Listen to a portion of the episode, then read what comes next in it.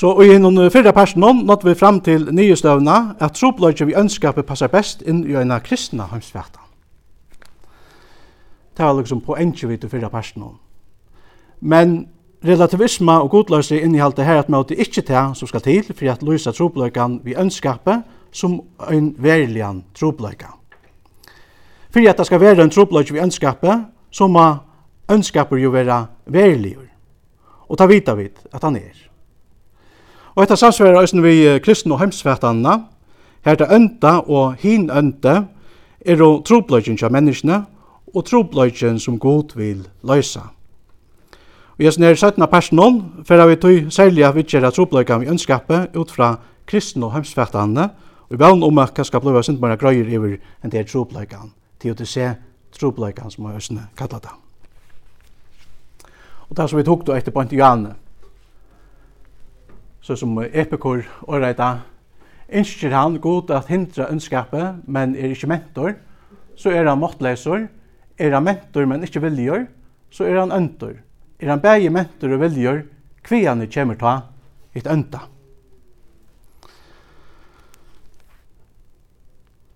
Og vi trykker jo at god bægi er mentor og viljor. Som kristen trykker jeg det, god er allmåttor og viljor. Han er allmåttor og gaur. Og i oppenberingene leser vi til dømes, og i uh, kapittel 8, vers 8, «Jeg er i alfa og omega», sier Herren God, «han som er, og som vær, og som kjemur, hin allvalde». Han er altvaldande. Og i uh, fyrra Johansa Johannesabrevet, kapittel 4, vers 8, her leser vi at God er kærløyge. Så så vi er God luster, han er kærløyge. Men så gjerne god er kærløyge og almottor, hvi han kjemur ta hitt ønda. Det er den brennande spurningren som vi skulle også vidtje det her i kvöld.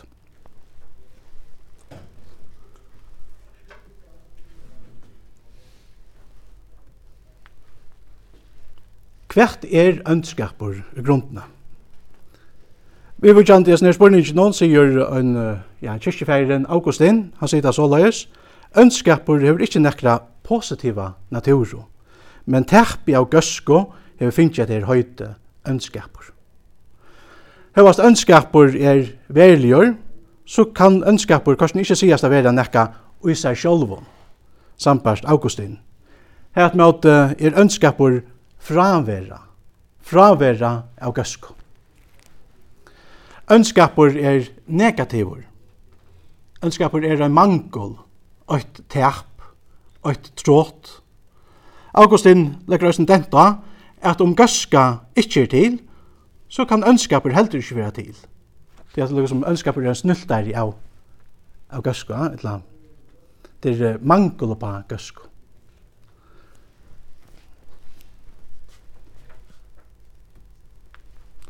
Så det er, så skal man si at øsnia, hva ønskaper er. Vi vujtjande skapan heimsins lesa vit at god løyt at öllon som han er gjørst, og så ut av er sera godt. Og brunaliga var alt så løy som god vilte at det skulle være. Det var sera godt. Og talan kan bare være om ønskap, ta, ta gaua, verur avskjepla, onkurs vegna. Ønskapur er altså som sagt trått av det gaua, trått av gøsko. Men så kan man spyrja, hvordan byrja i alt det her? Hva er opphavet til ønskapen? Sambars Augustin er frafattle fra gode ørsekjen til ønskapen. Og det hendte først i ønklaverene, og så gjerne i mannehøymene. Og det har vi kanskje også i hørst om i, i potas undervisningsene. Men om alt var godt i fyrstene, om alt var så løy som god vilde at det skulle være, Hvordan ber det så til at ditt ønta nekrandøy bløv til? Hvis i alt var godt fra fyrstandøy. Hvordan ber det så til at ditt ønta nekrandøy kom inn i den heimen? Hvordan kunne det et fall henda i ønglaheimnon og i mannaheimnon om alt opprunalige var godt? Det er en, en øyelig større spurninger å sette seg.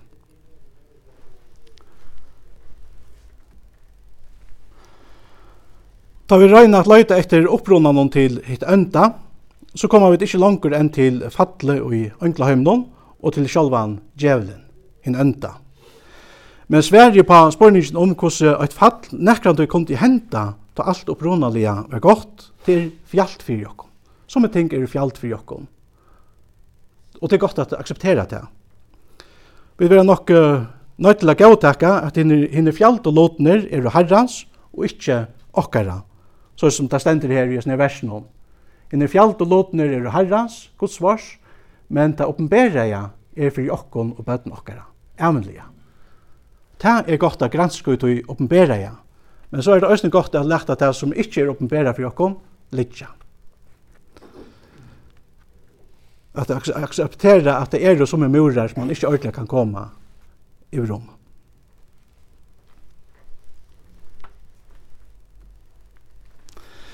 Og i samband vi avnoktanna, altså tar vi avnokta djevelen og alla gjerninger hans og alla nærpor hans, her sier uh, danske presteren Henrik Høylund såleis. Vi avnokta ikkje øynans hitt ønta, men øysene hin ønta. Hitt ønta hever navn og anlid. Det hever sitt opphav i øynare personligare makt. Og i bøyplene hever han fløyre navn. Djevelen, Satan, høvdingen i hessen høyme, en gamle armeren, dretjen. Bibelen sverar ikkje på hver djevelen kommer fra. Okkur spender av at han kan være ein av Guds mektige andaveron som kallast ønglar. Djevelen er kanskje ein øngel som har gjort opprøster med det gode. Men øngel verlig fragrøying veri given på hvordan hekta lese seg gjerra i fyrir hinnom allmåttua gode, og hvordan det i kan vera at hinn ønte fekk nekra avvarskan og Guds gåa skapanarverkja. Bibelen er snøgt sagt meira ahua ui, at vise okkon hvordan vi kunne bliva leis fra djevelses makt, enn at djeva grøy fra, eh, enn at grøya fra hvordan djevelen gjørtest ønder. Så Bibelen hever et avvist fokus. Det er frelsan, hvordan vi vera frelst. Ja.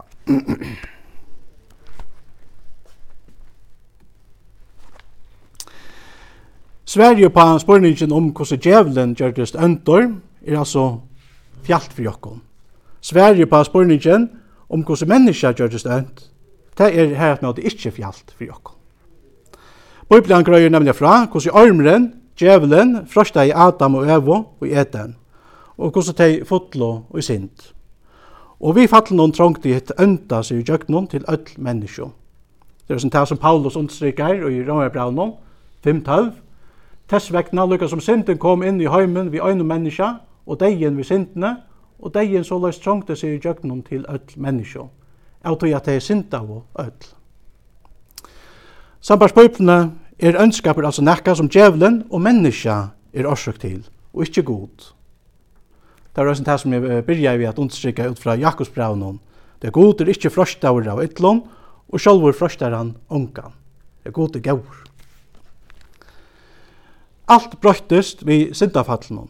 Menneska brøttest, heimeren brøttest, vierskiften og vierskiften brøttist. Et opprunalige gaua, eller hin opprunalige gaua veren som goda er skarpa, vær spilt vegna sindafallet.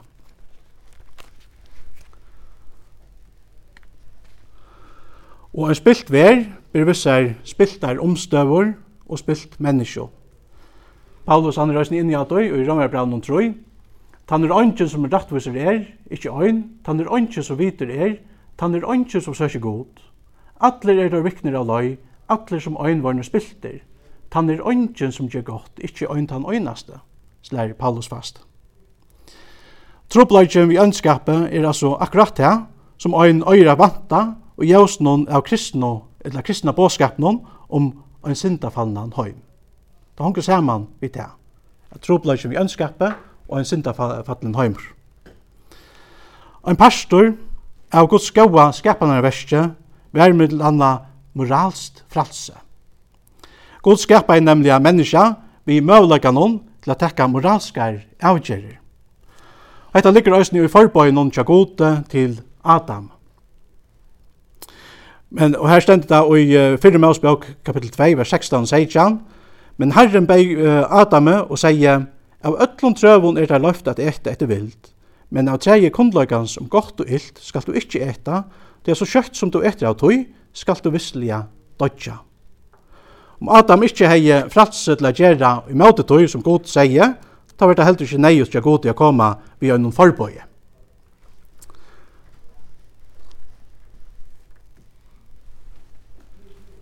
Augustin, kyrkjefeiren, han lyser det såleis støvan æren syndafalle. Her er det hesebæge, det gjør litt at synda, og gjør litt ikkje at synda. Han sier det alla togin, posse pekare og posse non pekare. Og så kommer han ut etter syndafalle. Her sier han at støvan er såleis at det ikkje gjør litt ikkje at synda. Det er syndare, ja? Non posse non pekare. Og at her skal allukal ikkje skilja så leis at bardein mot synden er taptur på forhånd. Vi vil ikke andre støvne tja hinn under kristna, etter syndafallet, understryker Luther øsne, at en kristne er samstundes rattviser og syndare. Simul justus et pekator, sier han.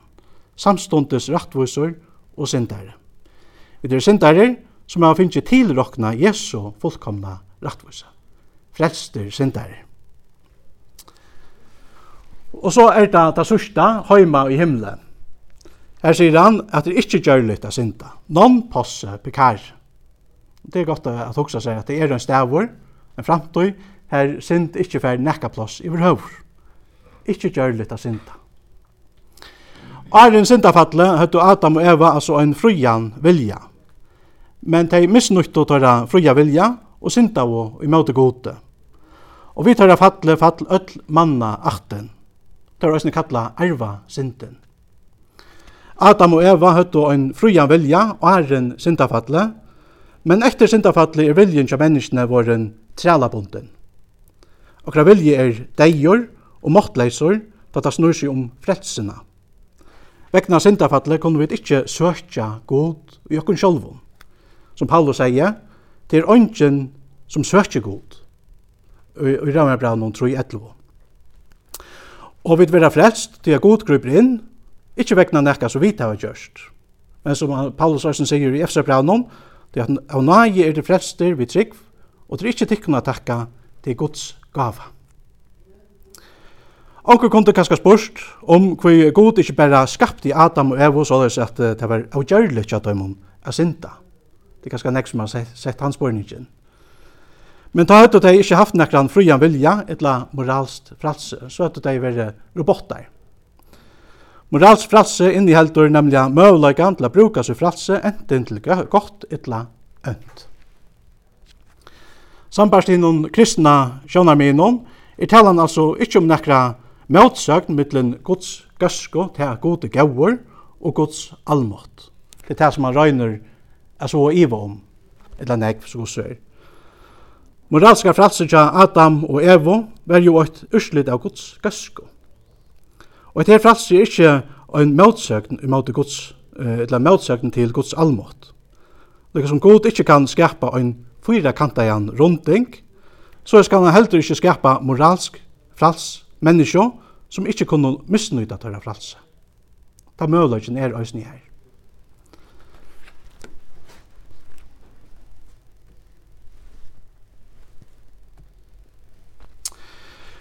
kjente hansbekkingren og godløysingren Bertrand Russell undrar seg over hvordan ein kunne snakka om god, medan man sett ved sønsene til en dødkjente badne. Det er også en kjenselbåre å takke fram. Hvordan kan ein sette sitt anlitt av god, ta løyingen og neien er så stor?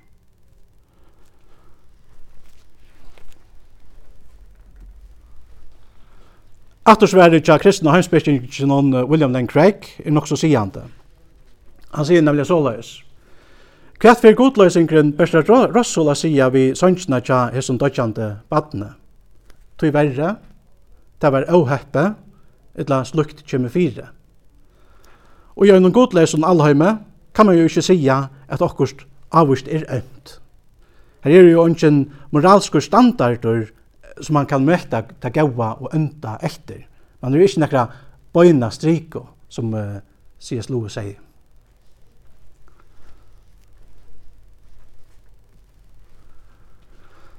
Hvordan har vi gått så avgjørst å løse tropleikan vi ønskapet? Jo, i stedet for jeg bøyna fyrir øtlån ønskapet i alt fyrir åkt, avmarskar god ønskapen i heimnån og pa, jeg hesa matanar som jeg tidsi fram her. For det første, Han avmarskar ønskapen i gjøknon iverveldna.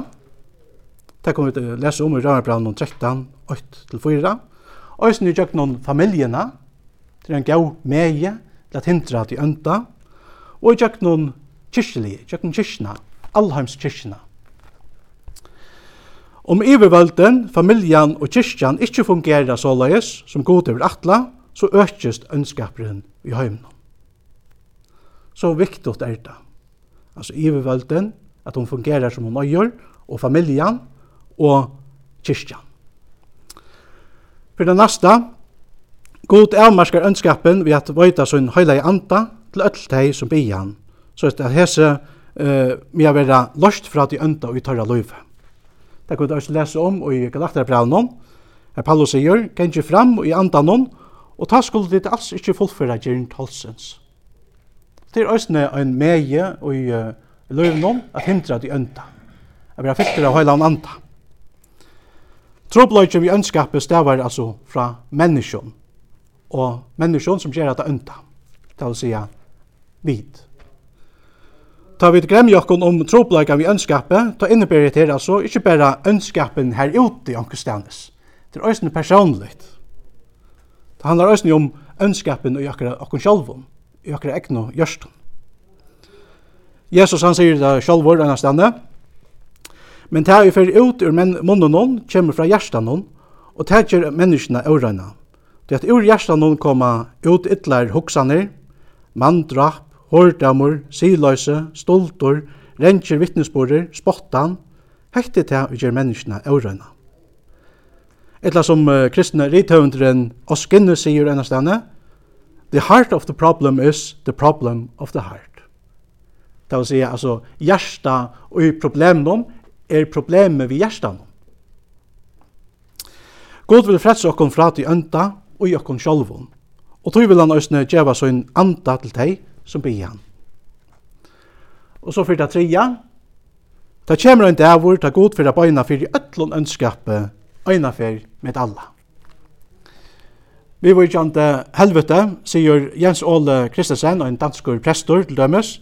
Det kommer en dæver, det er godt for at rotta opp i øtlund til åra rattvisa, så vidt mennesker har vært nøyt til å leva under. Det er for å vise seg at dette ikke var en tømmer og høpesleiser allheimer som vi bo i og gjennom stått av tøymiddelen veggo og grøv. Nei, slår han fast, rattvise finst verlige. God finst verlige, en gode god som er rettviser.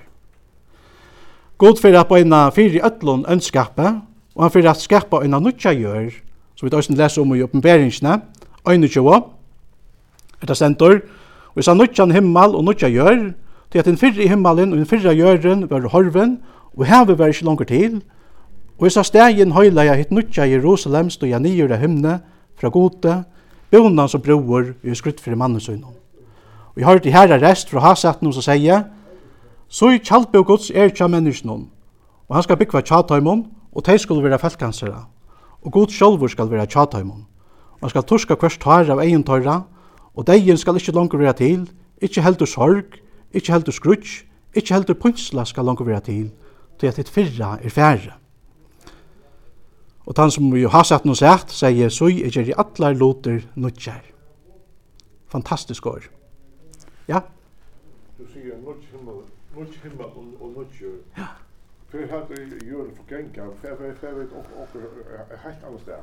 Altså, er heilt annan univers og nuttje jøren. Det er gav spurningar. Det er gav spurningar. Ja. Ja. Jeg halte man må bare liksom uh, sutja tøyna an. Men vi vet også at gode mentor at, uh, at enderskapet hesa gjørna, til han også mentor til. Men det sender også at uh, uh, Petter i halvtid der stender at uh, at, at heimren onkurs vekna skal geng under. Ja? Skæka skulle himmelsk krefter og så videre. Ja? Altså, det er... Jo, håper så mycket, vi vi verande. Ja, ja. Ja. Ja, det er, uh, altså, som sagt, bei, uh, altså, jeg halte til folk som bæg til tala fyrir at god endurskapere det endan heimen, hessa hjørna. Og så er det som som sier at heimren gonger under, fullstendig, ja, og at god skapar en, en nytja gjør. Så det er spennende, vi tar en spennende fremtid just. Og vi kan også spørre, hvor har god ikke lengst siden felt til den endelige domen iver heimses ønskap? Det skildes hans her kærløyga til okkon menneskjo. Om domeren fattel nu, så er domeren også bare glæta med seg iver öll teg som enn ikke har vent om til Jesus. Det må vi også lykke hukse om. Om Jesus, han kom aftur klokkan 12, hver høytte vi så var det klokkan 1 minutt i 12. Sverige til spurningen, hvor stekker god ikke ønskap noen, er det samme så, til, som til spurningen, hvor stekker god ikke mer, hver jeg fyr er ikke jokker skøyft. Det er som Petter apostel sier, Ikke dralar herren vi fyrjåttane, så er som sommer halda ta fyrir enn dralan, etter sier han i øron uh, Pettersbrevet. 3 nuttjo.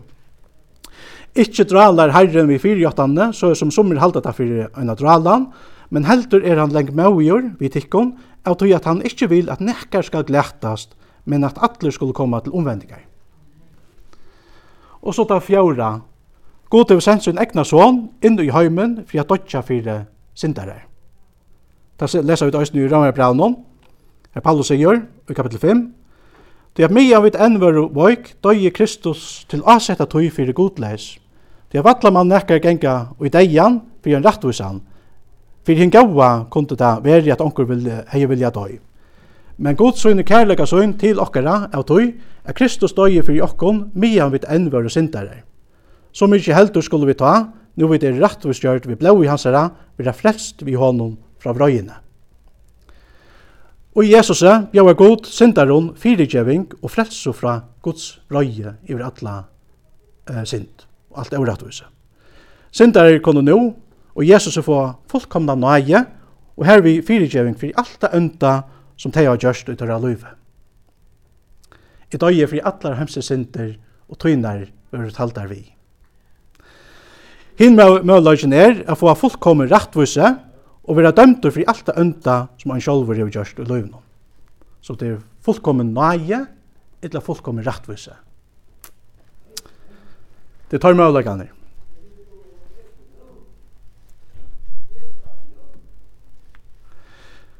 Sjálfur er god, slett ikkje fremmandur i fyrir løying. Og jeg sier 3, 3-5, leser vi til kjent årene, om je, om ja ta vi tala om Jesus att ta pojkar att det är en profeti om Jesus.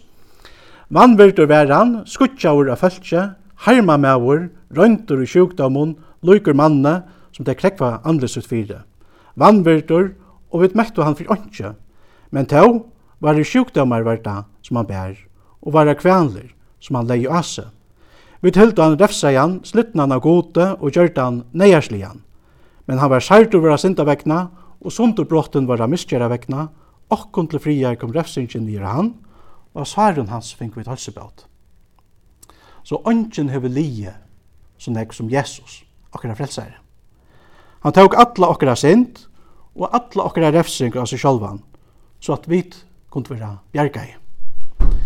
Trobløyge vi ønskapi er en trobløyge, som sagt, fri okkon öll. Nekka som vi öll må driast vi. Og i glede bådskapen og ikke vet at Jesus teker lojingsna og hans sjølvan for jeg kommer okkon til hjelpa. Det er også nekka som vi det kunne lese om i Hebrearbraunen, kapitel 2, er det stendur, Tess vegna måtte han i ötlun lotum vera brørum sunn løykur, for at han kunde vera ei miskonsamur og trofastur høvesprestur og i tænastu fyrir gode til a bøkta fyrir folk synder. Det er vidt at han hefur lije, Av til at han sjálfur var frøstaur, kan han koma tøymon til hjelpar, så vera frøsta. Så Jesus han leser fua inn i hentan høymen, og han visste at han skulle løya, for at bjerga løyande menneskje. Og Golgata sørst du hvordan negv god til vi gjørst, for jeg bøyna ønskap bostur.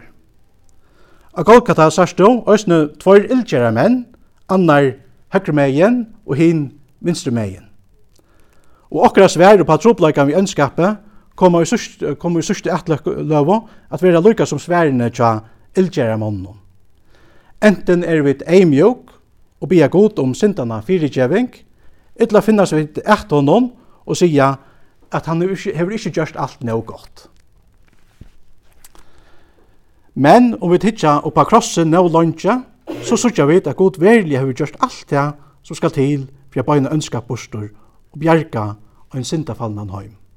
Så som sagt, Jesus er Guds løsn og på uh, trobleikan vi ønskapet, og i stortom.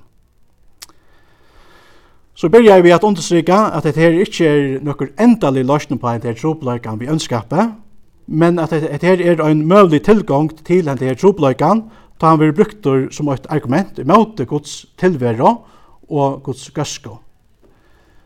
Og det er jo nekver avsverre spurningar, Og vi kommer nok omgått i til at lykkes som å få öll sværene. Vi kommer alltid å standa spyrjande. Da det kommer til et her evne.